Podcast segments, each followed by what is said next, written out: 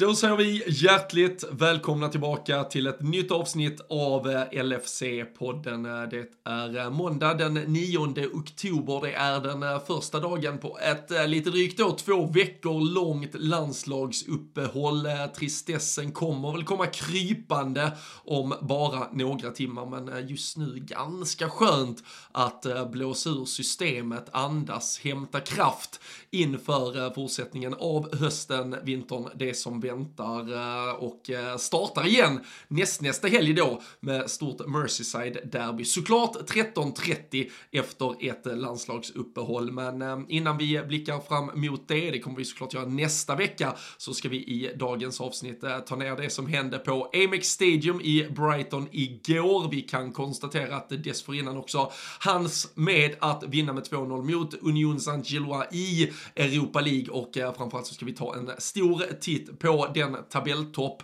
som vi nu har efter åtta spelade omgångar.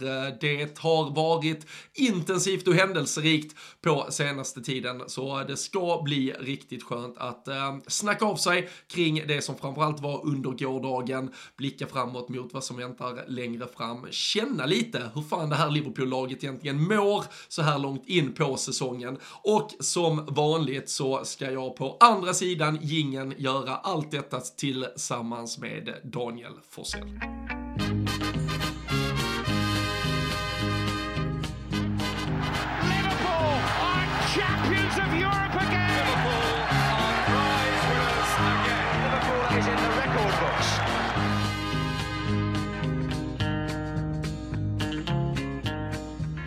Ja, och eh, det är väl som vanligt Danne så här, eh, nu sitter vi lagom tidigt måndag här, någonstans mellan eh, frukost och lunch och konstaterar att vi kliver in i ett landslagsuppehåll. Det betyder att fan veckokalender öppnas upp till hur mycket fritid som helst och initialt känner man väl efter framförallt mycket beslut hit och dit som har behövt diskuteras. Det har inte bara handlat om det som verkligen har hänt på planen i form av spelet de senaste dagarna, Att det är rätt så gött att snart kanske få släppa lite på fotbollsfokuset, men du om någon, vi om några vet att om bara några dagar, då sitter man där igen och förbannas över att folk i kafeteriorna, i lunchrummen, ska diskutera Sveriges startelva mot Moldavien istället.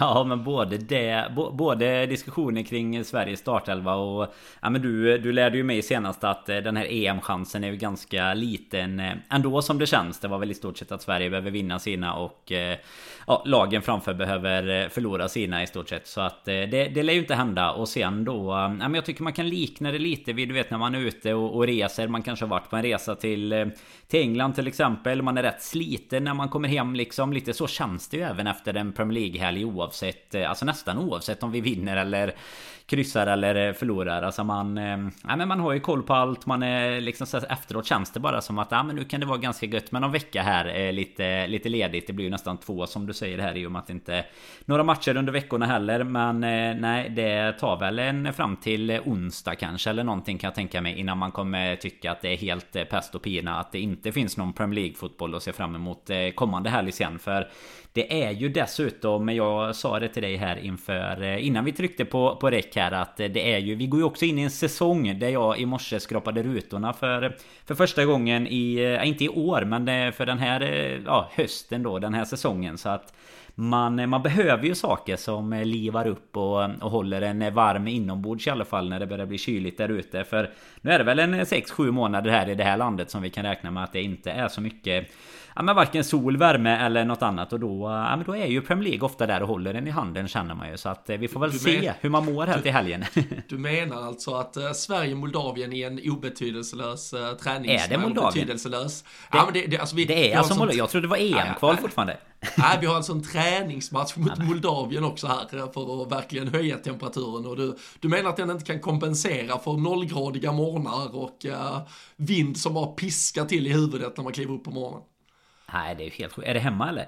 Ja, ja, har du inte alltså, hur många, hur många Hur många kommer eh, vara det tror du och kika? Jag vet mitt, i vecka, mitt i veckan nu också Det kan jag, ju vara vi, någon så här lägsta punkt känns det som för landslaget faktiskt Ja, alltså jag vet, alltså till och med det skickar de väl visserligen ut till alla som på något sätt är registrerade någonstans. Jag, jag kommer ju inte ta mina pojkar 9 och dra 60 mil till Stockholm, men man fick ju erbjudande om att typ plocka på sig så här 50 gratis biljetter, så jag antar att det är väl deras hopp som står till att typ, uh, ja men, uh, föreningar runt omkring Stockholm i alla fall, uh, gör någon uh, liten, typ höstavslutning genom att pipa dit och gå på lite gratis fotboll i stort sett, eller om det var en, en 50-lapp eller något skit de skulle ha, men det, nej, det Nej men det tycker jag ändå, det kan, det kan man ge dem. Ja. Ja men det tycker det jag man kan ge dem. Det minns man ju. Man har ju varit på, på Ullevi någon gång när typ Sverige mötte Malta eller någonting. Tyckte man ju var rätt häftigt när man var liten. Men det var ju antagligen så att det satt folk i, i vårt läge och tyckte att eh, det här är en match som man inte... Som ingen borde gå på. Men då var man väl där så här 8-9 år gammal eller något och tyckte att jo men det var rätt eh, coolt att kika landslaget. Så eh, ja, det,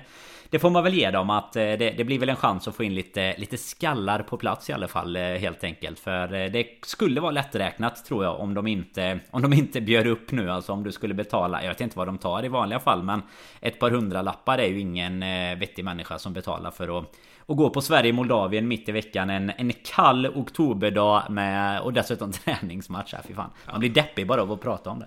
Ja, nej faktiskt. Så jag tycker att vi släpper det och eh, spolar istället tillbaka till eh, söndag eftermiddag nere på den engelska sydkusten eh, där vi först då en timme innan avspark kunde konstatera att de val Klopp eventuellt behövde göra, rätt mycket av det där laguttagningspusslet hade ju lagt sig själv med tanke på skador, avstängningar, en fronttrio där alternativen egentligen var inga uh, backlinjen till stora delar intakt, men där framförallt då Trent Alexander-Arnold kom tillbaka och uh, gjorde Premier League-start igen då på högerbacksplatsen. Och så föll beslutet på det centrala mittfältet på Harvey Elliott. Och jag tänker att där kan vi ju egentligen i samband med en eventuell diskussion kring valet och uh, den startelvan så kan man ju gå tillbaka till torsdagsfighten också där, där jag blev ganska överraskad, eller det som överraskade med valet av Harvey Elliott var ju att han var faktiskt en av de som fick 90 minuter mot eh, Union i eh, torsdags. Medan det kändes som att eh, både Gravenbergs och Endo matchades lite mer försiktigt. Endo klev av i paus. Gravenberg spelade väl drygt 60-65. Var ju framförallt otroligt bra i första halvlek för att kröna det med ett mål också. Jag kände väl att det snarare var slantsingling mellan de två och att det är lite beroende på hur Klopp ville approacha matchen var det val han skulle göra, men eh, det föll istället på eh, Harvey Elliott och eh, det får man säga, det var visst, nu gör han såklart en fin aktion när han släpper bollen förbi sig och Salah kan dundra in den, men det var ju en Harvey Elliott som var extremt osynlig i den där första halvleken sen. Ja men lika, lika förvånad som du. Det var väl det enda som förvånade egentligen i startelvan så sett. Jag var rätt alltså till till 99% skulle jag säga att Gravenberg skulle, skulle ha startat eh, på, på förhand. Sen eh, var det inget som gjorde mig så här jättebesviken. Jag tycker att Elliot har varit eh, riktigt bra i de inhoppen han har gjort. Men sen tycker jag han har haft det lite tuffare i, ja, men i just 90 minuterna. Han spelade väl även 90. Eller han, han startade ju i alla fall där mot Leicester i, i kuppen och alltså sådär. Det är många... Tycker inte att han riktigt Ja, han har blivit lite mer osynlig i de matcherna än eh, när han har kommit in med lite kanske intensitet sista 20, 25, 30 sådär. Och, eh, och det är ju precis som du säger, det är likadant i den här matchen. Han blir utbytt i, i halvtid. Han han gör bra aktion är det väl såklart. Men framförallt är det väl eh, att inse så här att gammal äldst i det läget Hade han tagit det skottet och missat så hade han ju liksom blivit lyn... Alltså han har blivit utbytt direkt typ, så ja, vi, ska vara tydliga han... med, han, vi ska vara tydliga med att han inte hade något val så Nej så, exakt. Så det, det var inte mycket att fundera över Men det, men det såg man ju honom Exakt men det såg man ju honom i alla fall i, i matchen så att säga. Och det är ju smart eh, såklart och, och låt oss alla ta den istället. Men, eh, men annars Annars är relativt osynlig och jag tycker väl att vi även får ut mer av en av en Gravenberg som kommer in senare. Och det är väl en så pass stor skillnad på dem att eh, Framförallt var det ju förvånande för att han spelade 90 som du är inne på i, i Europa League där. Och, och att både Endo och Gravenbergs blev utbytta eh, Det var det som Liksom fick en att höja lite på ögonbrynen. För att det, det känns ju som att eh, Klopp och, och staben väldigt mycket matchar spelarna i eh, ligacupen och Europa League just nu för att eh, optimera för Premier League i och med att vi, vi förhoppningsvis ska kunna rulla vidare på, på de eh, kupperna än så länge ändå men Nej, det, det gick väl inte som eh, han hade hoppats eh, för Harvey så. Det, det gör väl inte att han är mycket närmare ett Merseyside-derby här efter uppehållet i känslan. Nej, och äh, det kan vi komma till sen och, och det är väl det som eh, är, eh, om man alltså, ska leta några orosmoln i det här laget, så, så, är det ju fortfarande den, den tredje länken på det där mittfältet. Eh, nu, nu har ju Curtis Jones gjort det väldigt bra, men vi har ju samtidigt haft ett problem kanske stundtals med balansen och det som blottades ganska tydligt mot Brighton och, och, som vi ju absolut kanske kan inleda med att diskutera var ju återigen Alexis eh, McAllisters defensiva roll där han i ett eh, spelförande Liverpool såklart är eh, jätteskicklig i den rollen. Eh, jag tycker väl att eh, han eh, kanske är ganska lite egentligen till att beskylla för det som blir 1-0 målet, även om man såklart kan förvänta sig alltså, bättre närvaro någonstans och kanske vara lite mer alert och, och hitta en snabbare lösning som kanske får vara att man bara skickar upp den bollen på läktaren genom att man möter den. Men det är ju en van Dijk som försätter honom i en ja, men, usel situation genom att skicka upp den bollen på det sättet som han gör. Men uh, Liverpools mittfält, eh, uh, den var, mm, vad, vad har vi för status på det så här uh, åtta matcher in? Nej men det är ju någon pusselbit som saknas. Det är det ju absolut. Och det vi har varit inne på hela säsongen är väl att att McAllister inte är en sexa. Han eh, gör ju det. Alltså det, som du nämner ju situationen i sig. Där är ju liksom fel på, på flera punkter tycker jag. Hade vi haft lite tur hade Alisson varit tillbaka lite snabbare också. Och, och, ehm, och kunnat eh, ta det i och med att det inte är något eh, jätteskott som, som går in liksom. Men tar man mittfältet för sig så är det ju en... Eh, jag menar, ett defensivt eh, ansvar och ett ankare som, som saknas tycker jag. Man eh, märker att vi inte riktigt har Ja men dels den uppspels... Eh, alltså uppspelen som vi vill. Jag menar igår framförallt är väl den matchen som vi kanske allra mest har spelat. Det kändes ju ett tag som att eh, jag menar van Dijk och, och Trent och Allison eh, hade liksom 98% bollinnehav i matchen. Det var väldigt mycket spelande runt i, i backlinjen och det är någon liten länk som saknas där. Sen eh, när vi väl kommer förbi den så att säga När vi har det, det offensiva kreativiteten med en Framförallt hänförd av en Soboslaj då, eh, då tycker jag att mittfältet funkar väldigt bra. Det har fungerat väldigt bra med en Curtis Jones Men även med honom inne så har ju problemet varit den eh, Den defensiva länken. Så att om vi, om vi kommer att kika på det redan här om ett par månader Eller om det, om det är någonting vi kommer få liksom spela oss vad ska man säga, spela oss vidare med här genom säsongen. Så eh, det, det återstår ju att se. Men att det inte är en, en Wataruendo som ska göra det. Det verkar ju vara relativt klart i alla fall. För då upplever jag ju lika väl som att en Gravenbergs hade kunnat starta här. Upplever jag ju att den ändå hade fått mer speltid i alla fall. På, på den nummer 6-rollen om han hade varit tänkt. Och, och det har vi också diskuterat såklart. Och det det, det, såg man väl komma redan när han kom om man säger så att det kanske inte var det solklara första valet för eh, många år framåt om man säger så. Men eh, man hade kanske haft lite högre förväntningar på att han skulle vara inblandad i den här typen av matcher. För jag menar Brighton borta är ju ingen enkel match. Det kanske inte är jättebra att gå in med ett superoffensivt viktat eh, lag mot ett eh, ja men ettrigt och högt pressande Brighton. Och det är ju exakt det vi råkar ut för på på målet där tyvärr. Och ja, där spelar det kanske inte så stor roll om du är van sexa eller inte. Utan där står ju McAllister och sover egentligen bara. Sen att han inte ska få den bollen av van Dijk åt det hållet när Allison... Alltså det, det är så många. Det är en liten eh, minicocktail där av felbeslut. Men... Eh, tycker väl att eh, det hade räckt att han var lite mer på tå så hade vi, hade vi inte behövt sitta här och diskutera det.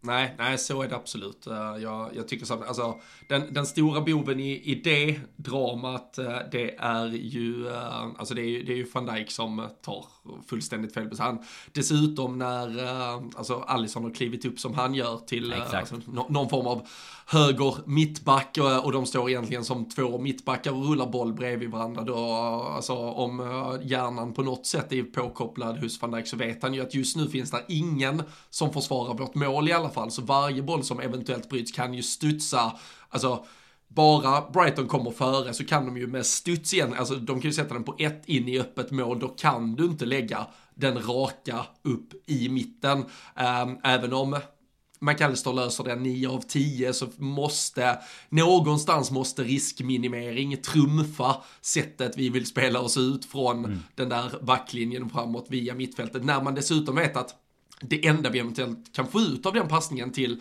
McAllister i det läget, så trång som han är, det är ju typ en skarv tillbaka till typ Ali, alltså gå direkt till Alisson så. Det, fin det finns inget att vinna på den passningen som van Dijk sätter upp och där, det tycker jag vi måste sluta med i, i så extra. Vi måste ha, det var ju också, det blev, blev ju dessutom extra deppigt för man kände ju verkligen att vi, vi överlevde en första period på 5-6 minuter där Brighton har typ tre hörnor, mycket halvchanser. Där är någon boll som via någon deflection ändå studsar bara typ tre decimeter utanför stolpen. Alltså det var lite så här: okej okay, grabbar, vi har varit med om de här starterna för låt oss nu ta tag i detta och sen så ger vi ju då återigen bara, sen kan man argumentera för att Brighton ger bort mål på ungefär samma sätt till oss mm. sen och sen kan man argumentera för är det vi och Brighton som är bra i vårt pressspel, jada jada jada. Men vi kan ju konstatera att Liverpool hade kunnat göra det annorlunda i den situationen som leder fram till 0-1 eller 1-0 Brighton i alla fall och därmed haft ja, men, sig själva i en bättre position inför resten av första halvlek.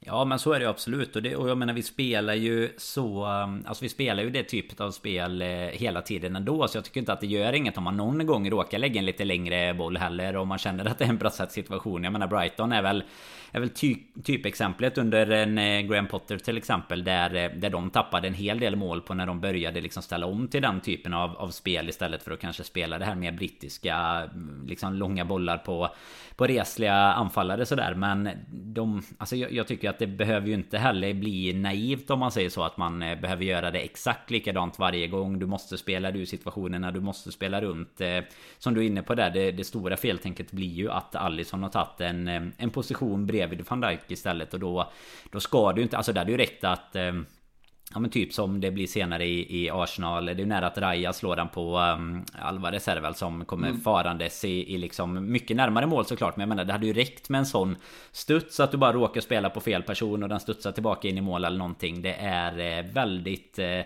men det är så jäkla onödigt oavsett hur duktig press eller sådär de, eh, de gör. Och jag menar vi sätter ju oss Alltså vi löser ju det till slut som eh, Som sagt nu hoppar jag lite i förväg. Vi löser ju det ändå på ett bra sätt med en snabb vändning Men det är fortfarande så här i en så onödig position också borta mot Ja men ett av de förmodade i alla fall kanske utmanande lagen om liksom en topp 4, topp 6 placering så, så vill man ju inte alltid Särskilt inte efter att vi lyckats då ta oss ur de här Både hönor och sånt som du säger men även den här första kvarten som, som för oss eh, ofta har inneburit ett insläppt mål den här säsongen så, så känns det så jäkla onödigt att ge bort det istället och ungefär känna att vi måste jobba med uppförsbacke hela tiden och eh, nej det, det måste vi göra någonting åt för jag menar vi Alisson det är rätt ofta i den här matchen också tycker jag som att eh, han är bollförande och kommer rätt högt upp och då då kan ju inte backarna ställa oss i, i sådana problem eh, i övrigt helt enkelt. Nej, Nej så, så är det verkligen och eh, hur, många gånger man ändå vrider och vänder fram och tillbaka. Så de, de två målen som visserligen gör att vi vänder matchen och sätter oss i ledning hade ju snarare betytt 2-0 istället inför andra halvlek och det är ju mm. en annan sak än, än 2-1 eh, och så vidare. Så självklart eh, är det slarvigt att ge bort det, men det vi lite inledde diskussionen kring var egentligen Alexis McAllister, mittfältet, statusen på Wataru Endo och, och det är alltså så här, jag köper ju också att startelvan och det är mittfältet man väljer. Uh, fine, bra nog. Uh, det, det, är väl ja, men ett, ett val Klopp gör att uh, vi ska försöka vara spelförande mot ett Brighton som, uh, som jag läste mig till har, har ju varit uh, alltså, spelförande varje match under, alltså sedan De Serbi tog över så har de ju vunnit bollinnehavet på hemmaplan, de har vunnit XG varje match under De Serbi. Och eh, då har de ju ändå eh, åkt på någon eh, nit, det var ju en mot West Ham här denna säsongen, det var ju en rejäl jävla nit mot Everton i slutet av förra säsongen också till exempel. Men de har alltid varit spelförande, de har haft bollinnehavet, och de har dessutom då alltid skapat bäst XG. Liverpool lyckas ju faktiskt med något då ganska unikt genom att vi faktiskt är spelförande. Vi vinner bollinnehavet mot Brighton eh, på bortaplan för vår del då och vi eh, dessutom eh, skapar faktiskt i slutändan enligt de statistikverktyg som finns en, en högre XG-siffra också. Så man kan väl ändå argumentera för att den offensiva någorlunda approach Liverpool hade var kanske rätt, var klok, var bra, men det man kan bli vi straffade mot är ju i omställningsspelet. Nu är det ju faktiskt inte via omställningar när Brighton gör sina mål, och det är ju en otrolig räddning från eh, uh, Allison till exempel när de ställer om väldigt snabbt. Och, och det är ju ett par gånger de kommer igenom genom snabba omställningar eftersom vi blir lite blottade när vi kanske har tagit upp bollen i banan. Och det var väl där man kände någonstans även om startelvan var rätt så i början av andra halvlek kände man väl att det kanske var dags att balansera om det där mittfältet. Och det jag känner här nu är väl när Vataro ändå alltså inte ens är aktuell för ett inhopp i den här matchen där jag tycker att matchbilden så extremt tydligt skrek efter någon som kanske skulle komma in och stänga till lite mer på det där mittfältet. Jag tycker dessutom att McAllister är ganska slarvig i sitt passningsspel, även offensivt. Han är, han involverad ganska många bolltapp ganska högt upp i banan uh, och uh, kändes inte som han hade fötterna och tempot helt med sig just den här matchen. Men när ändå, ändå inte är ett alternativ, den, då, då står man ju där lite och funderar, är det den här klassiska kloppinkörningsperioden vi är mitt i just nu? Eller har man insett lite efter två, tre månaders träning här att ja, det är kanske fan inte Liverpool. Det var något annat att vara 30-årig lagkapten i Stuttgart och harva ner i botten av Bundesliga än att styra och ställa på ett mittfält till ett lag som eventuellt ska utmana om Premier League-titeln. Eh, Jag Ja, vi kan ju inte riktigt veta var vi är, vi kan bara sitta och gissa och, och just nu känns det som att eh, Wataru ändå nog inte verkar ha bevisat att han räcker till på den här scenen. Nej men det är ju absolut känslan. För jag menar, du, du är inne på en viktig faktor där tycker jag. Och det är att du nämner hans, hans ålder. Jag menar, du har inte råd att ha den här inkörsperioden i, i kloppsystemet och, och i ett eh, Liverpool-lag på, på den nivån vi ska vara i. Eh, alltså i 30 år eller 30 plus egentligen. Utan jag menar då, då behöver du ju komma som en... Eh, men vad ska man kalla? Alltså du, du behöver ju fortfarande vara lite up and coming om du ska ha ett halvår, ett år på dig och bara komma in i i själva spelsystemet eh, tror jag. Och där, eh, där håller jag med dig absolut. Jag menar är du, är du inte ens aktuell då för att gå in och och ta den rollen under en andra halvlek här till exempel. För jag tycker även att McAllister, alltså när han jobbar defensivt. Nu kommer jag inte ihåg om det är den frisparken eller om det är den som, eh, som följer lite senare sen som han eh, ganska halvslarvigt... Ja, det, det, det, är den identiska typ fem minuter senare som han drar på som sig. Han den första sig, är ju när Marsh bara lägger bollen och kastar sig Just mellan två spelare. Det stämmer. Och det, det, är den jag tycker alltså även att det ofta i försvarsspelet då i och med att han får ta mycket av det defensiva jobbet. Eh, eller det tillsammans såklart med, med de andra mittfältarna också. Men det blir liksom så här, du, du märker ju väldigt tydligt på en spelare om den är van vid att då ta den typen av tacklingar, den typen av dueller eller om man inte är det. Det blir ganska mycket liksom eh, lullande där du råkar och trycka till någon fot istället och det gör ju oftast ingenting på mittplan eller lite offensivare men det, det är ju ganska jobbigt när det sker runt, eh, ja, men runt eget straffområde. Jag menar nu, nu var ju den, den första jag kommer att tänka på som jag eh, som gjorde väldigt mycket så i alla fall i slutet av sin Liverpool-karriär. Det var ju en Lucas Leiva men han var ju i och för sig då en, en spelare som skulle behärska den positionen. When men, the legs were gone. precis, lite så när det känns liksom som att du, du hela tiden är lite trött. Sen vet jag inte om det liksom matchen i sig eller för jag tycker aldrig att han riktigt kommer in alltså... men, men även innan tycker jag precis som du är inne på det vi har ju sett det tidigare att inte att han inte riktigt klarar av den typen av spel. Sen pratade han ju efter matchen om att han gärna, gärna spelar den positionen och sådär. Men samtidigt, vad ska man säga? Man går ju inte ut eh, i sin nya klubb efter åtta matcher och säger att nej fuck off, jag vill inte spela på, på sexa positionen liksom. Då är du, då, då är du ovän med, med Klopp i stort sett sen. Utan det, den diskussionen tar man ju i så fall internt liksom. Och uppenbarligen så kan han ju acceptera att spela i den rollen eftersom han gör det. Men jag tycker inte att vi får ut det vi behöver och jag tror tyvärr inte att, eh, att ändå är svaret på, på det heller. Och då, då kommer vi sitta med ett problem här i alla fall ett par månader till innan eh, januarifönstret öppnar. Om vi, nu, om vi nu får möjligheten att göra någonting åt det redan då. Ja, Nej, vi, eh, vi får se. Det är ju också den frisparken, jag vet inte vem det är som dras ner, men det är ju den som Louis Dunk eh, skjuter i början av, uh, ganska tidigt i, i första halvlek också. Det är också McAllister som kommer, kommer sent in och, och river ner någon i ett väldigt bra frispark. Det blir lite, ger bort ett par för billiga frisparkar, lite för farliga lägen och uh, som sagt, uh, ja, lite, lite temposvag i, i vändningar, framförallt i, i hemjobbet. Så vi, vi har väl mer att önska, det, det ju på inget sätt heller att man dömer ut McAllister, det är ju snarare en diskussion kring att han tvingas ta en uppgift som kanske inte var den som han eh, hade tänkt att han skulle ta, som vi som sitter och tittar på hade tänkt. Den vid positionen vi, vi vet att han eh, kanske helst hade velat vara i, vad man hade kunnat få ut av honom i, eh, i ett annat spelsystem, eller med, med spelare på andra positioner som hade kunnat frigöra honom, så det, det är väl ingen kritik som sådan mot honom. Sen kan man ju gå in på alltså, specifika situationer och ändå vilja förvänta sig mer som så här, alltså lite snabbare beslut eh, i, i vissa lägen, att man kanske hade kunnat riskminimera och så vidare. Men eh, vi ser ju också hans otroliga kvaliteter, alltså jag tycker framförallt det, det är någon period i andra halvlek när han vänder bort det där Brighton-mittfältet 3, 4, 5 gånger om och där, där Liverpool kommer i en väldigt bra period i, i samma veva där Gravenberg sen till slut får det där läget som han trycker i ribban och vi, vi, vi tar oss igenom med ganska raka bollar igenom eh, både Brightons mittfält och försvar ett par gånger om, men, men inte riktigt har sista skärpan och får den sista utdelningen. Så det är klart det finns otroligt mycket förtjänster i McAllister också. Det här är väl snarare en diskussion om ja, men, mittfältets eh, fullständiga eh, sammansättning och just vad, vad Taruendo eventuellt kan bidra med. Eh, kontra att det alltså, kritik mot McAllister. Jag, jag, jag tror folk som lyssnar uh, förstår och hör hur vi resonerar, men jag tycker ändå man ska vara tydlig med det.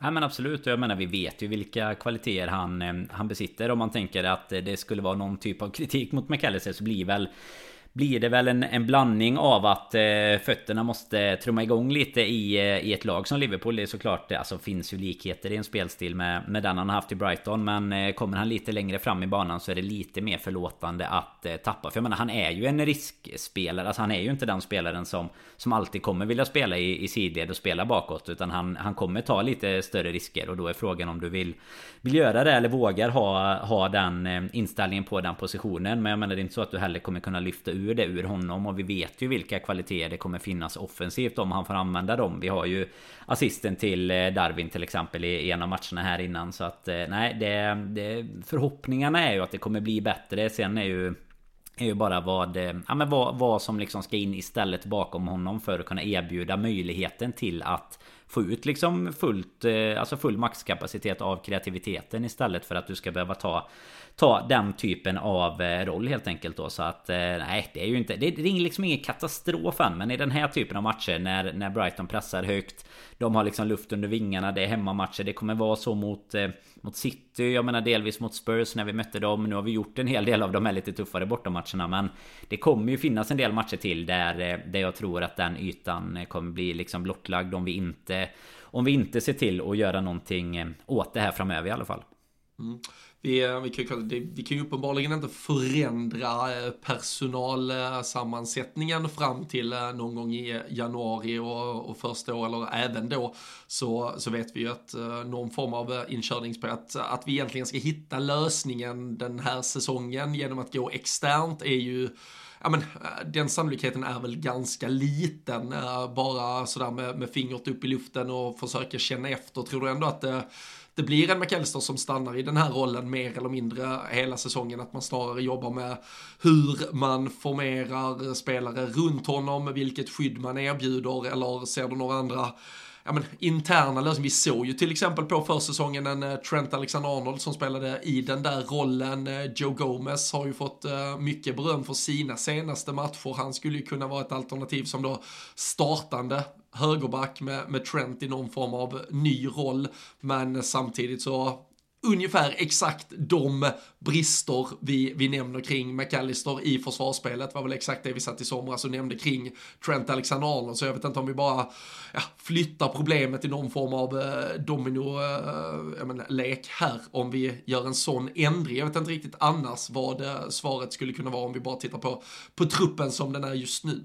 Nej, tittar vi som det är idag så tror inte jag att... Alltså då tror jag att det är så här vi kommer få, få anpassa oss till att spela. Och jag är ju också osäker som du är inne på. Alltså det, det finns ju ett fönster under under januari att ta hänsyn till. Men det är också svårt att se att vi skulle värva en spelare som vi bara kan eh, Kan liksom plocka rakt in. Det är ju Alisson och van Dijk som vi har gjort det med de sista åren. Eh, Salah gick väl ganska så, så rakt in och sådär med. Men många Väldigt många har ju haft den här kända perioden av anpassning och Pratar vi om en eh, André från eh, Fluminense var det va som han eh, lirar som mm. det har varit mycket snack kring. Jag menar det Man har ju svårt att se att du kommer lyfta in någon därifrån och bara sätta dem i, i världens bästa liga i ett av eh, lagen som spelar med högst tempo och, och sådär också. Utan då tror jag ju snarare på att det blir en anpassning av eh, av vårt mittfält i den konstellationen som det är idag. Kanske antingen då där vi hoppas att vi ska få ut mer av McAllister på det, på det defensiva eller att vi liksom kommer lite som vi har fått offra eh, försvaret med, med Trent som vi har varit inne på många gånger för att få ut maximalt offensivt så, så kanske det är lite på samma sätt vi, vi kommer göra här även om det Tyvärr riskerar att kosta ganska mycket mer tror jag mot, eh, mot lag som har eh, ja, men liksom starka länkar mellan offensivt mittfält och anfall så sett. Men jag tror inte på en... Alltså jag, jag tror det vi tappar eventuellt defensivt på att ha McAllister där. Det tappar vi offensivt på att sätta en exempelvis en Joe Gomez där. Jag tror inte heller att vi skulle sätta Trent rent i den positionen utan eh, där vill man nog snarare ha det här inverterade spelet i så fall. Men, men då har du fortfarande i utgångsläget någon som, som ska spela lite bredvid honom eh, om du hamnar liksom en trebackslinje och två framför. Så att eh, ja, nej, hade jag satt mina pengar här idag så gissar jag att han kommer fortsätta i den rollen ett tag. Jag vet inte, har du någon, eh, tror du på någon, vi, vi, har ju uppenbarligen presenterat andra lösningar, men tror du på någon annan lösning? Nej, och, eh, och framförallt så tror jag på, det, det är det som gör mig lite kanske bara snarare då besviken på att vi någonstans valde eller nöjde oss med Endo eh, eftersom han troligtvis inte, alltså det, det är ju lite, inga liknelser i övrigt, men det är ju som när vi står på deadline day förra säsongen och plockar Arthur för att vi, vi måste ha in en mittfältare känner vi. Och sen, sen tar det två veckor och sen inser väl hela ledarstaben att vad fan, han duger inte till att använda. Och eh, då står man där en, en säsong med honom och Wataru ändå kommer ju säkert fylla en funktion i, som någon form av uh, rutinspridare i, uh, i ligacupsammanhang och i uh, Europa League-matcher och så vidare. Men uh, jag tror, trodde man att han skulle vara ett alternativ för de riktigt stora matcherna så, så känns det just nu när vi sitter här den 9 oktober som att så inte kommer bli fallet i alla fall. Så får vi väl se om han kan motbevisa oss. Men jag tror också att vi, vi, får, eh, vi får räkna med att eh, det, det är det här risktagandet. Vi har, vi har haft liknande diskussioner kring Liverpools höga backlinje, vad har vi vunnit på den kontra vad den kostar oss ibland. Eh, vi kan prata speluppbyggnad från målvakt och en viss form av naivitet i, i passningsspelet och så vidare. Men det, det är väl återigen det där, man får sitta och, med Excel-arket och väga för och nackdelarna och Alexis McAllister i den rollen än så länge med tanke på att Klopp heller inte verkar intresserad av att göra någon förändring så, så tycker väl de och, eh, och laget och, och, samtidigt tabellposition 17 poäng eh, efter 8 matcher, eh, 3 poäng från toppen, bara en poäng bakom Manchester City.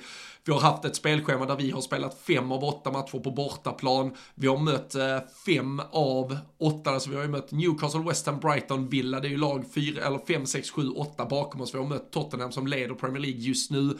Vi, eh, vi har ju här och nu haft en, på pappret, rätt så tuff inledning, men står ändå i ett läge där jag tror alla inför den här säsongen. Hade du fått detta serverat för dig när ni har spelat de här åtta, tittat igenom den matchlistan och eh, fått, ni har 17 pinnar, tre efter Tottenham Arsenal som leder, en efter Manchester City, då hade vi ju tagit alla dagar i veckan. Så, så vi måste ju också landa i att det här Liverpool-laget har kanske haft en bättre start. Det är ju de två senaste matcherna, framförallt sättet de utvecklas på, som gör att man känner ja, någon form av frustration just nu, här och nu. Men i det utzoomade så är det ju en otrolig start för Liverpool. Ja men absolut. En grej jag bara kommer att tänka på här i, i mittfältspusslet eh, eh där också är att vi glömmer ju helt nämna en Stefan Bacicic som ju såklart eh, skadad igen just nu. Haft en lång skada i slutet på förra säsongen och sådär. Men hade ju kunnat eh, eventuellt vara, vara inspelningsbar till ungefär samma period som man skulle kunna värva någon, någon ny liksom sen. Att i alla fall kasta in en ekvation liksom. Men nej, går vi till tabellposition och sånt så, så håller jag med dig 100% där. Alltså jag menar man hade ju tagit utan tvekan. Man hade ju inte...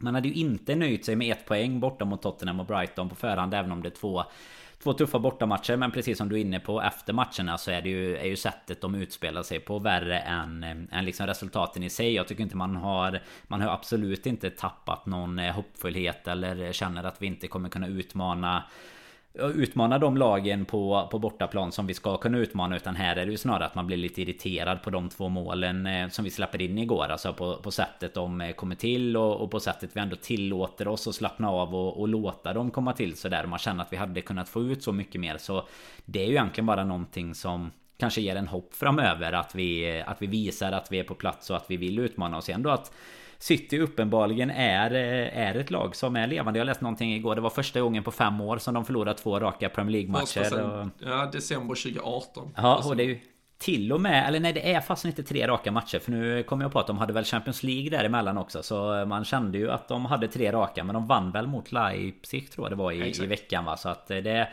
sabbar man ju direkt där när man hade hoppats att det var något, något annat rekord man kunde nosa på Men nej absolut nej, vi, kan ju, vi, alltså, vi kan ju konstatera att på, på de två senaste omgångarna så har vi ju tagit in en poäng på Manchester ja. City och det, och det, är ju det är faktiskt också ett jävla sätt att se på det. Ja men faktiskt, det är, glaset är halvfullt nere i bara. Det hör jag definitivt. Det Nej men ska man vara riktigt sån, jag menar matchen som, som spelas efter oss igår med Arsenal City där så är det ju...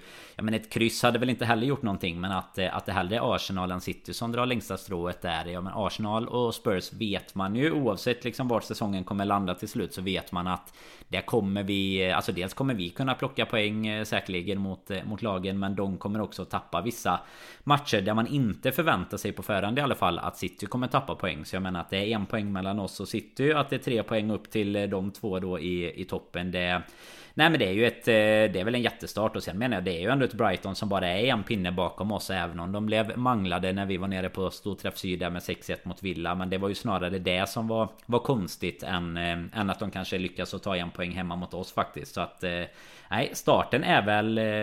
Alltså inte, inte klockren var jag nära på att säga där, men det är den ju inte. Men den är ju absolut väldigt godtagbar så här åtta matcher in. Ja, och eh, alltså, där är vi ju visa av lärdom att eh, så länge att man, hur tabellen än ser ut så är det alltid bra att Manchester City förlorar. Även om det betyder att något annat lag sticker, eh, precis som du säger. De, alla andra lag i den här serien är mänskliga. Manchester City är det inte. Så, så varje gång de kan förlora så är det bra, även om det betyder att något annat sticker egentligen mer ifrån än på pappret så att säga. Så det är, alltså jag tycker så som vi har tabelltoppen nu, om, eh, om man får kalla Tottenham, Arsenal, City och Liverpool som en, en toppfyra, men, men att sen då ha så pass starka lag bakom som, som Aston Villa, Brighton, West Ham och Newcastle, där vi då, vi har ju mött alla de här fyra lagen, två på hemmaplan, två på bortaplan, vi har vunnit tre av dem, för alltså vi har, vi har tio av tolv poäng mot det som på pappret har varit ja, men, kanske de lagen som har imponerat mest annars med, med hur de har tagit sig an den här säsongen. Så, så är ju det ju lag som, såvida de kan upprätthålla någonting över 38 omgångar, kommer kunna ställa till det. Kanske framförallt då på sina hemmaplaner mot även de lagen vi konkurrerar med där uppe och framförallt om man lägger, alltså nämner Arsenal och Tottenham i det. Så äh, nej, jag, jag tycker vi, vi, vi ska vara väldigt, väldigt nöjda äh, med eh, vart äh, allt är när vi zoomar ut lite på de här åtta omgångarna samtidigt som man såklart ändå kan få eh, vara lite förbannad över att vi inte eh, ja, men knyter igen, dels som sagt eh, slarvigt hur vi gör bort 1-0 målet, att vi inte knyter igen säcken bättre. Vi sätter oss i den där situationen efter att Mohamed Salah återigen, han hade väl varit involverad i 12 mål de senaste 12 matcherna mot Brighton läste jag till mig innan matchen och eh, gör ju återigen då först mål, sätter dit straffen. Jag orkar inte fastna i någon diskussion kring, om det ska vara något rött kort där heller, för det är sagt, jag, jag det kanske det ska enligt någon regelbok. Jag, jag reagerar inte på egentligen att det skulle vara ett rött när det sker. Alltså jag tyckte bara, jag tyckte bara det var sinnessjukt att de ens kollade ifall det skulle vara straff eller inte på den där mm. jävla tröjan stod som en, stod som en strut. Men, äh, alltså sen är det ju, alltså Gravenbergs ribbträff, trycker han upp den i nättaket istället, då vinner vi nog. Och sen är jag egentligen mest förbannad över hur svagt vi försvarar den frisparken som leder fram till 2-2. Ja men precis så. Jag, jag säger precis som eh, du gör det. Jag blev mest förvånad att det inte blev gult kort först. Det var det som eh, jag reflekterade över på, på straffen där. Men eh, att det, det inte blev någonting. Och sen Alltså sen innebär ju inte vi, vi har väl om några visat att eh, en utvisning inte alltid heller behöver innebära att det är eh, varken bra, bra för oss alltid att spela mot 10 man för att de kanske sjunker och det är inte alltid mm, positivt liksom när, när vi själva har fått en utvisad så har vi visat att man ibland kanske till och med blir eh, ännu mer synkade och får ännu mer jävlar anamma på något sätt så att den orkar inte jag heller egentligen bry mig om. Det upplever inte jag som att det hade varit något som som måste ha förändrat matchbilden extremt utan lite mer som du var inne lite mer förvånad på att de ens eh, kikade på om det skulle vara en straff. Sen, sen är det ju som sagt det är lövtunna marginaler. Sitter eh, ribbträffen där så är jag också helt säker på att vi hade ridit ut den matchen med 3-1 eller kanske till och med gjort något mer. Sen, eh, sen är det ju Robertson som bara alltså du, du ser försvaret överlag men alltså det är ju bara Robertson som också måste. Jag, jag tänker så här oavsett om du är liksom felvänd alltså hur du ens hamnar så konstigt vänd som han gjorde det, det kan vi göra en egen på podd om. Men Alltså du, du, är rädd för att du ska styra in den och du ska inte ta din höger eller vad den kan tänkas vara Så är det ju bara så du får ju inte släppa den när alla som står bakom dig kommer tro att du kommer ta den Alltså lite det här Det ser ju ut som att han går för att och liksom attackera bollen och då Kanske det någonstans eh, gör att de bakom tappar någon, någon, någon liten liksom tankeverksamhet eller promille på att de behöver vara helt beredda. Och då är såklart alltid Dank också. Det känns som att det alltid är Dank, det är det väl. Säkerligen inte, men vi har ju sett, eh, sett honom göra mål live också mot oss. Men eh, då, det, det känns så jäkla typiskt bara att vi släpper in det på det sättet liksom. Ja, och han, Duncan hade jag, jag tror han hade inte gjort något den här säsongen. De var tydligen var de sämst på fasta situationer i ligan den här säsongen. Så man bara visste, ah, okej, okay, då är det ju självklart att han kommer. Men det är, det är två saker jag inte riktigt, för sen som sagt det kommer ju en identisk frispark bara någon minut senare och då ställer vi upp på exakt, för jag var tvungen att bara titta hur ställer vi upp nu och försvarar detta. Det är några saker jag inte förstår. För det första, alltså, alltså och det är ju, jag, jag har inte gått alla tränarutbildningar än, jag, jag lär mig, jag försöker, men vi, eh, och jag förstår att vi spelar både liksom, eh, en del zonförsvar, en del markeringsförsvar och vissa spelare ska bara gå på boll, vissa ska ha spelare, jada jada jada. Men vi ställer, eh, Mohamed Salah står i den ensamma muren, andra gången blir han ju träffad så där gör han ju ett ja. otroligt försvarsjobb. Men sen då så har vi alltså på, alltså om vi räknar inifrån Salah och sen mot målet så att säga så kommer ju Robertson först och sen McAllister tvåa innan det kommer någon form av, om vi säger, större spelare uh, vad gäller den fysiska närvaron.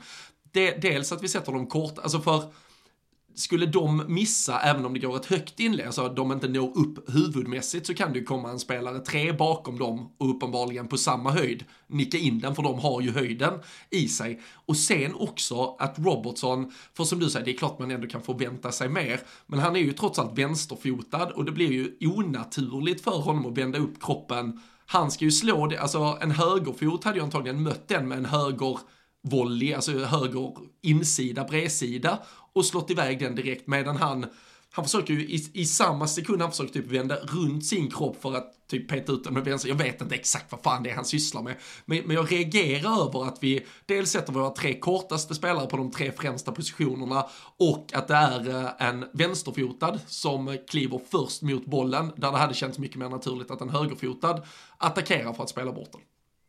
Nej men absolut. Det, det är ju bara att instämma och det får vi ett eh, facit på just i det läget. Men Det som är mycket märkligt tycker jag, jag vet inte, jag, jag reagerar faktiskt på det. Du nämnde de här eh, hönorna de hade första. De hade ju typ tre hönor första 5-10 minuterna någonting. Och då slår de ju ofta den långt på och träffar typ en dank vid bortre stolpen och han ska nicka in den och, och, skapa någon situation igen då. Frågan är om det är så att vi har, har liksom analyserat den typen att vi tror att alla deras fasta går på bortre, att det är därför van Dijk och, och så vidare står där borta. Men eh, alltid lätt att säga så här i efterhand såklart men det är ju en, en McAllister eh, i en nickduell på eh, en skarp på första stolpen är ju kanske inget man heller hade föredragit om den går förbi en Robertson så att eh, det är ju väldigt märkligt om om, om så är planen, om så är fallet liksom. Det, ja, det, det, är alltså, ju ändå de, ändå... som du säger, det är ju de tre kortaste i hela elvan liksom. Ja, och vi har ändå, vi har inte gjort byte. Gomes har inte kommit, eh, nu vet jag inte ens om Matip och Kunate har hunnit byta när eh, det kommer. Det fan, jag menar, alltså, ja, en, en, av dem är ju på planen i alla fall, van Dijk är på planen. Gravenberg som ändå har längden med sig, Soboslaj som har ganska mycket fysisk aura och närvaro, mm. och Nunes dessutom. Du brukar ju, alltså, en, alltså Darwin Nunes hade jag ju gärna sett på första, alltså en anfallsspelare på första stolpe, alltså som, som har ett sätt att attackera boll. För alltså han har ju någonstans i sig att gå mot boll direkt egentligen. Jag, nej, jag, märk, jag tyckte det var märkligt hur Liverpool eh, formera sig och eh, försvara sig på det där. Sen, sen är det ju individuellt för dåligt av framförallt Robertson och det blir ju en följdeffekt på McAllister på det, men det är ju Robertson som som gör det äh, dåligt. Och jag, jag, tycker väl tyvärr återigen, nu, nu straffas vi som sagt inte riktigt i det där omställningsspelet från Brighton, men, men det är ju på hans kant. Och hur Adingra framförallt, äh, alltså otro, otrolig jävla spelare igen de bara har hittat från ingenstans Brighton, men äh, det är, ju, det är ju där han ofta kommer igenom i, i luckan som Robertson släpper till. Och eh, Trent däremot är ju briljant i sitt sätt att hantera Mitoma. Mitoma har väl inte varit så här i osynlig i typ någon match den här säsongen. Och sen eh, är det en eh, jävla tånagel och eh, med en millimeters marginal han reder upp den situationen som hade varit ett friläge för Mittoma annars i, i andra halvlek. Men vad fan, han, han löser ju det trots allt och jag tycker Trent ska verkligen ha beröm för sitt sätt att ta sig an matchen. Medan Robertson fortsätter lämna lite att önska lite match efter match.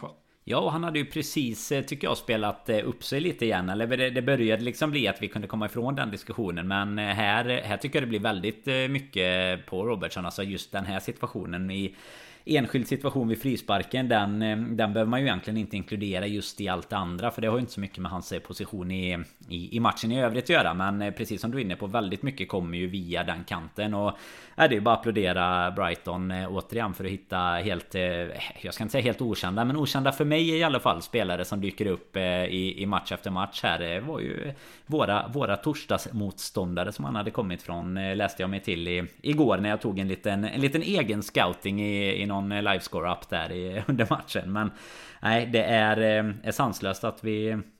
Att de hela tiden lyckas få fram eh, nya spelare och att vi då, ja men tycker jag, lämnar den typen av ytor. Det, det, känns liksom som att Robertson inte riktigt vet fortfarande i en sån här match vad han... Eller liksom hur eller vad han ska göra för att det, det ska passa den nya positionen helt optimalt liksom. För det blir något, det blir något lite mellanting liksom tycker jag. Och det det blir ju inte... Ja, det blir verkligen inte till fördel för oss defensivt. Och, eh, och Trent eh, som du är inne på i, i övrigt och kul att han är tillbaka till att börja med. Och han gör ju en riktigt bra match så att det är ju Förhoppningsvis något vi kan bygga vidare på framåt. Men eh, nej, vi har, det är någonting litet som skaver på andra kanten där.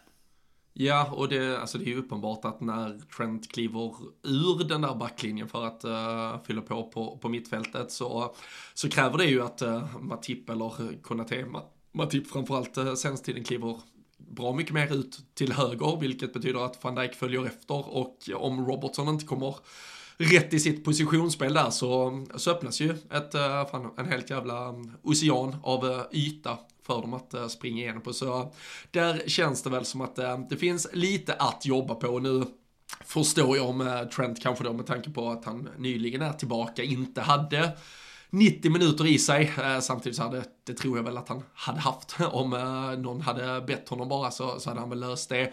Men eh, att Robertson återigen på grund av att han bara är vänsterfotad i stort sett är uh, orörbar på den där vänsterbacksplatsen med tanke på att Costa Simicas är så otroligt svag. Om, uh, om nu Klopp känner att Joe Gomez har uh, någon form av revival här så, så skulle ju absolut alternativet även kunna vara att spela Gomez till, till vänster stundtals om det, det bara är att du vill ha in honom på planen. Uh, och just med tanke på hur formen såg ut på de två ytterbackarna under gårdagen i alla fall så hade jag ju mycket hellre behållit Trent i 90 plus eh, tillägg, eh, speciellt med tanke på den ja, men USP som ändå finns också i vad, vad hans fot kan leverera om, eh, om läget skulle, skulle ges. Så surt såklart att, att inte komma därifrån med tre poäng, men samtidigt kanske rättvisa vars mm. en poäng kan konstatera att Klopp versus de Serbi nu faktiskt är den tränarkamp där eh, Klopp har eh, ja men inom någon parameter i alla fall, det absolut eh, tuffast. Fyra gånger har Klopps Liverpool mött uh, De Serbis Brighton. Tror väl det var De Serbis första match på Anfield förra hösten. 3-3 matchen, Trossard gjorde hattrick och sen så förlorade vi ju först i både ligaspelet och FA-cupen i typ januari, februari mm. uh, under året. Vi, vi var ju på ett kryss, två förluster, nu adderar vi ett kryss här, så på fyra matcher mellan de här två uppsättningarna så har Klopp fortfarande inte vunnit inget annat eh, lag och tränare har det tagit liksom fyra matcher för Klopp att uh, spela mot utan att ta en seger. Så uh, det, det, är ett lag vi, och framförallt då coachat av De Serbi som vi vi uppenbarligen har förtvivlat svårt att eh, vinna mot och eh, då är det väl bara skönt att känna att vi har städat av den här jävla matchen och kan, kan glömma allt som heter Brighton fram till, vad fan är det, slutet av mars eller något när vi möter dem igen.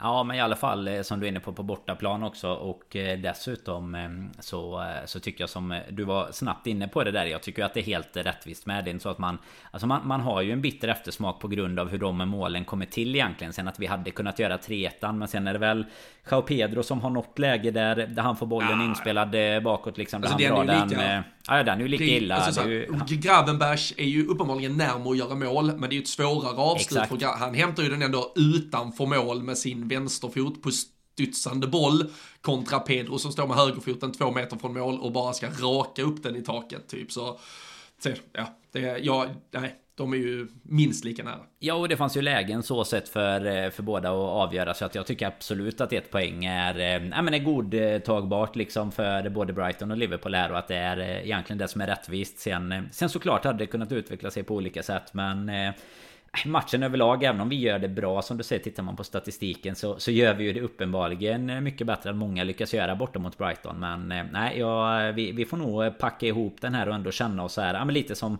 vi var inne på här innan. Vi får titta på vilka matcher vi har haft nu, vilka har varit borta. Vi har haft fler borta än hemmamatcher till exempel. Vi, vi kommer ju gå in i en period, nu kommer vi såklart återkomma innan Merseyside-derbyt där, men gå in i en period när vi möter lag av eh, tabellmässigt i alla fall lite svagare karaktär. Eh, och det är väl där vi kommer att få se. Jag menar nu har vi Ja men det är väl fyra matcher med typ eh, Everton Det är Nottingham va, det är Luton Det är Brentford innan vi väl har City sen i slutet på november typ Så att jag menar det är, alltså, tittar, det är man, ju... tittar man Premier League mässigt då Om man bortser från Europa League och, och Ligacup och sådär så, så är det ju en period som kommer Där vi ska kunna konstatera att vi att vi poängmässigt har gjort det ännu bättre än vad vi gjort nu det, det sista Även om vi har lyckats stå upp väldigt bra spelmässigt. Så att eh, det är ju, det är ju de matcherna som vi Som vi pratar om. Det är de matcherna sitter ju sällan eh, tappar några poäng i Och det är det vi behöver verkligen ta tag i det nu och Ja men jobba fram till eh, Liksom till jul i alla fall och med den typen av matcher Eller fram till city kanske innan vi verkligen kan se om det kan utkristallisera sig lite mer kring vilka det är som kommer kunna hänga med eh, i hela racet och vilka som bara flyger till en start här. Nej men alltså tittar man, eh, vi, vi har en sju matchers eh, period i ligaspelet. Eh, du nämnde Manchester City kommer där som det den femte matchen i, i slutet av november. Men annars är det nu alltså Everton hemma, Nottingham hemma, Luton borta, Brentford hemma, City borta, sen Fulham hemma, Sheffield United borta.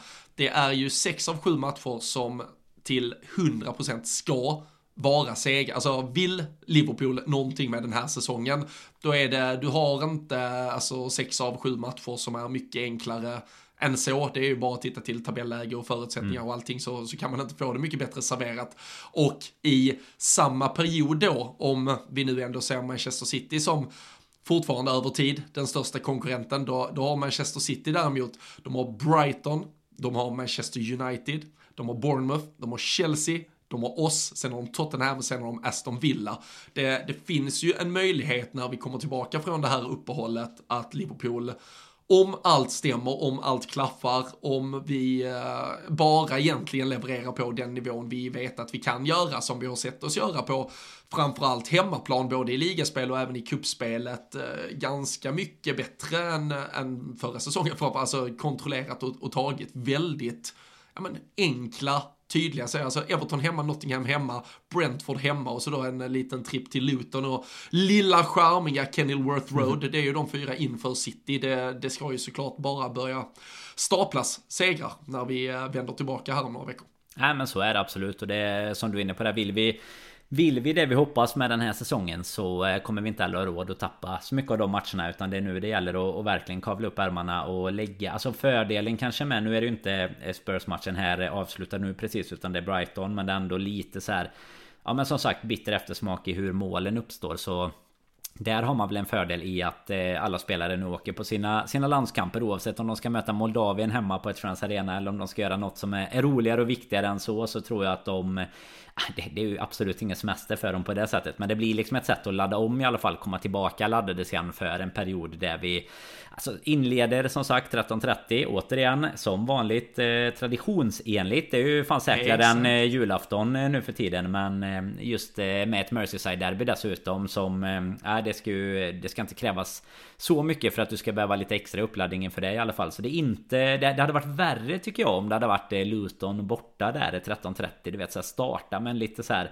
Ja, men något, något lite tröttare om man säger så. Utan ett Merseyside-derby ska väl ha har tillräckligt med liksom tändvätska för eh, oavsett vilken tid det är. Så att eh, nej, få sätta tonen där direkt innan de andra ska sparka igång och, och kanske gå upp i någon... Eh, jag har ju inte målskillnaden framför mig men någon delad serieledning i alla fall redan efter uppehållet skulle här. Vi, skulle vi vinna så kommer vi vara i serieledning för då, då har vi... Vi har just nu plus 9 och Tottenham Arsenal har plus 10.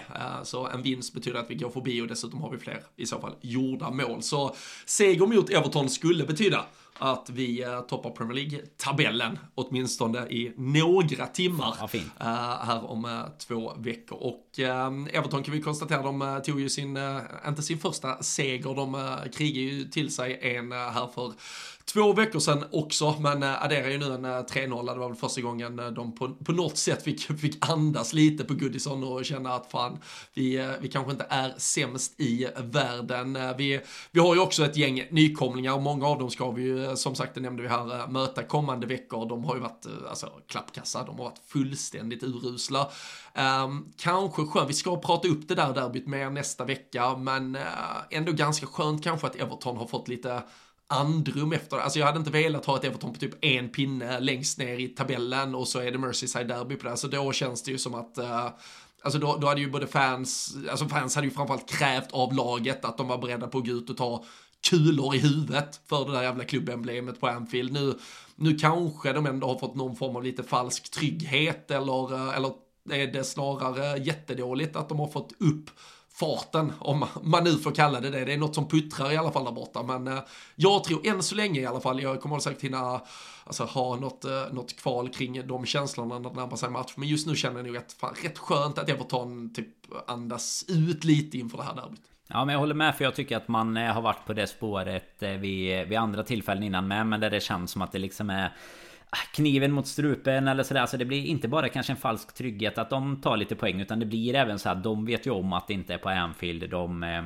på förhand i alla fall på säsongen ska ta tre av, av de poängen de, som krävs för att de till att börja med ska hänga kvar. Sen har de ju kanske lite högre ambitioner än så. Men, men med den här säsongstarten så tror jag att de får de får liksom lite andrum som du nämnde där på Goodison. De har tagit två segrar i alla fall nu på de tre senaste. Sen var det ju en, en oväntad förlust mot eh, Luton hemma där. Men det är ändå sådär. De, de vet att de på något sätt kan åka dit och inte ta tre poäng och inte känna att de i alla fall är på väg att åka ur just då. För det, det lär ju inte vara tillräckligt bra lag nedanför om man säger så. De har ju, har ju visat sig det hittills. Men det är... Eh, nej, jag tror bara att det är bra att de har fått eh, lite poäng. Sen är det klart att de kommer vara sjukt... Eh, alltså det, det är ju det som vi har diskuterat så många gånger förr. Om det är nu när Everton har varit lite nedflyttningshotade. Om det är bra eller dåligt att de är kvar. Men, men det dåliga med att de är kvar är ju att den här matchen betyder så mycket mer för dem än vad det gör att möta City, Arsenal, Spurs eller, eller något annat lag Eh, så att eh, de kommer vara taggade till tusen men eh, vi... Äh, förhoppningsvis gäller detsamma de, de röda och det...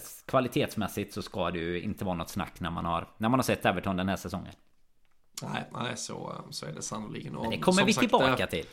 Ja, eh, uppsnack och eh, det, det, är ju som vanligt eh, att man bara får gräva ner huvudet i någon jävla kudde och så får man ju titta upp här om tio dagar och se vilken truppstatus vi har, skador som eventuellt har kommit på grund av pissiga jävla landskamper och så vidare. Men vi, vi hoppas att det ska vara ett intakt Liverpool-lag som vi kan då sätta, sätta tänderna i och formera hur vi vill inför derbyt. Vi, alltså vi passerar ser ju ganska mycket snack lite kring den här tabelltoppen, kring att eh, City ändå har visat sig mänskliga den här säsongen eh, och så vidare. Känslan bara avslutningsvis kring vart Liverpool befinner sig, hur tabellen ser ut och vad fan det kan bli av den här säsongen. Nej men jag tycker som vi var inne på här innan att det är en bra, bra känsla inför uppehållet även om det är är tufft att vi inte kunde få med oss mer av de här sista matcherna och, och kunde gjort ett ännu bättre liksom, eh, ja, utgångsläge inför framtiden. Men tre poäng till toppen, sitter en poäng framför så, eh, så som sagt man hade väl tagit det på förhand. Eh, och många matcher kvar att eh, hämta poäng i helt enkelt. Och det, det kanske mest positiva är ju precis det som du nämner där. Att man känner att inte City har rakat på med åtta raka vinster eller någonting. Så att man ändå känner att det finns... Eh, det, det, det, finns liksom en möjlighet att även de kommer att kunna tappa. Så inte bara att vi ska göra vårt jobb utan att... Eh, andra lag också. Det känns ju lite mer som ett getingbo. Vi har många, många starka lag. Du nämnde de alla egentligen de fyra som ligger bakom oss just nu som eh, Ja, men som, som skär lite poäng av varandra och kanske även lite av de som eh, förmodas komma ännu högre i tabellen. Så att det är väl egentligen det utkristalliserade bottengänget som känns som att de kommer bli slagpåsar för, för flera stycken. Eh, och sen, eh, sen så ja, lever det ju där uppe. Det är ju kul också att det är så pass jämnt mellan positionerna tycker jag. Det är väl inte säkert att det kommer hålla i 38 omgångar men eh, så länge det liksom kan vara så, så, länge det kan kännas som att det lever jäkligt mycket kring eh, toppositionerna så, eh, så är det ju riktigt kul och det är väl det är väl också... Det, det, är väl bara att eh, känna sig ganska nöjd med att vi ändå har tagit oss igenom. För det var ju en del osäkerhet inför säsongen och jag tycker väl snarare att vi har fått liksom svar, positiva svar på våra frågetecken. Eh, snarare än något annat, även om det såklart inte är helt eh, felfritt då. Nej.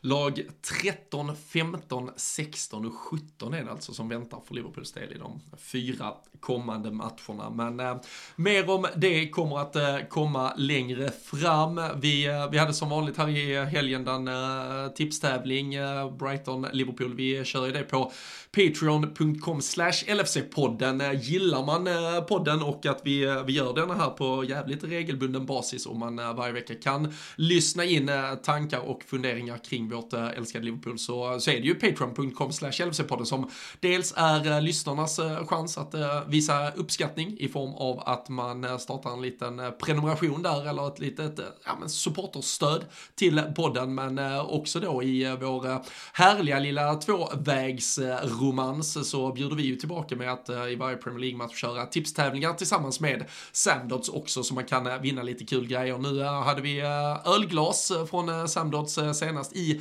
prispotten och hur såg det ut där? Var det någon som hade koll på Klopps eh, tuffa facit mot eh, De Serbi och eh, därmed gick på ett oavgjort resultat? Ja men det sjuka är att denna säsongen lurar man ju ingen där inne i, i Patreon kan jag säga. Det, är, det var nog tre eller fyra stycken som hade 2-2 och eh, Tom Norman som var bäst eh, Känner jag igen sen eh, inte urminnes tider men det var nog någon tipsseger förra säsongen också för, för Tom tror jag. Men det var han som drog längsta strået med Nu har jag det inte framför mig exakt men jag tror att det var två minuter ifrån sista mål då så att det, det krävs ju att man är en tippare av rang om man ska dra längsta strået i alla fall den här säsongen. Det har varit... Eh, nej, som, som du säger, det är ju två, tvåvägskommunikation där. Men det är ju priserna bara, bara haglar helt enkelt. Ja, men verkligen. Så ja, men stort eh, grattis till Tom och eh, nästa chans kommer ju då alltså om eh, lite drygt eh, två veckor. Eh, Merseyside Derby, Liverpool-Everton som vi kommer att snacka upp nästa vecka. Kan passa på och pusha för att äh, Sandots var inne och kika lite i helgen. Fått in dels lite påfyllning av hemmatröjan men också bortatröjan, den vitgröna som är jävligt snygg. Så blir det att man får lite sådär tristess och panik här under landslagsuppehållet inte riktigt kan fylla sina dagar med tillräckligt mycket Liverpool så kan jag varmt rekommendera att man eh, kikar in på samdods.com eh, och eh, tar en titt. Annars är det ju som vanligt lfc.se som gäller för att hålla sig uppdaterad här på hur våra spelare sköter sig under eh, landslagssamlingarna. Eh, vi, eh, man håller alltid tummar, tår, allting för att inga skador ska rapporteras och så kan man väl hoppas på lite ja, men islossning framåt för några av våra anfallare, att de får hänga några kassar, mycket speltid för de som behöver det och så vidare. Så lfc.se, där håller ni koll på allting. Men eh, vi hörs eh, snart igen. Det blir väl inte måndag nästa vecka den, utan vi kanske väntar typ till onsdag, torsdag så man får ner alla landskamper och så tar vi fullt jävla sikte mot Everton istället. Ja men det tror jag är bra så vi vet eh, Så vi vet vilka vi har att tillgå som sagt. Man är ju alltid det är det man är mest rädd för vi, som vanligt vi, när man går in liksom vi, i landslag Vi har centrallinjen med Kwanza och Endo-gubbarna som är kvar De enda som har överlevt. Ja det är ju det man alltid är orolig för i de här. Alltså det är ju nu, nu när vi ändå är någorlunda försiktigt optimistiska här inför eh, vad som komma skall så, så ska vi väl se att eh, Soboslaj eller någon ska Ska dra en hälsena men nej, nej, nej, nu, nu har jag jinxat Nu har jag jinxat det åt liksom rätt håll Så nu har jag sagt det så nu kommer det inte att hända i alla fall Ja, vi hoppas det. Diogo Jota, det var ju bara en enmatchs avstängning så han är ju tillbaka också äh, till Everton. Precis, lite fler alternativ där sen också. Exakt. Nej, men det är underbart. Vi säger som vanligt stort tack för att ni har lyssnat. Sprid att eh, LFC-podden eh, finns där för alla era Liverpool-vänner. Det är bara att prenumerera där poddar finns. Och eh, gillar man podden kan man ge den betyg, till exempel på Spotify, lite stjärnor och grejer. Då blir vi skitglada också. Så stort tack, vi hörs och ses snart igen.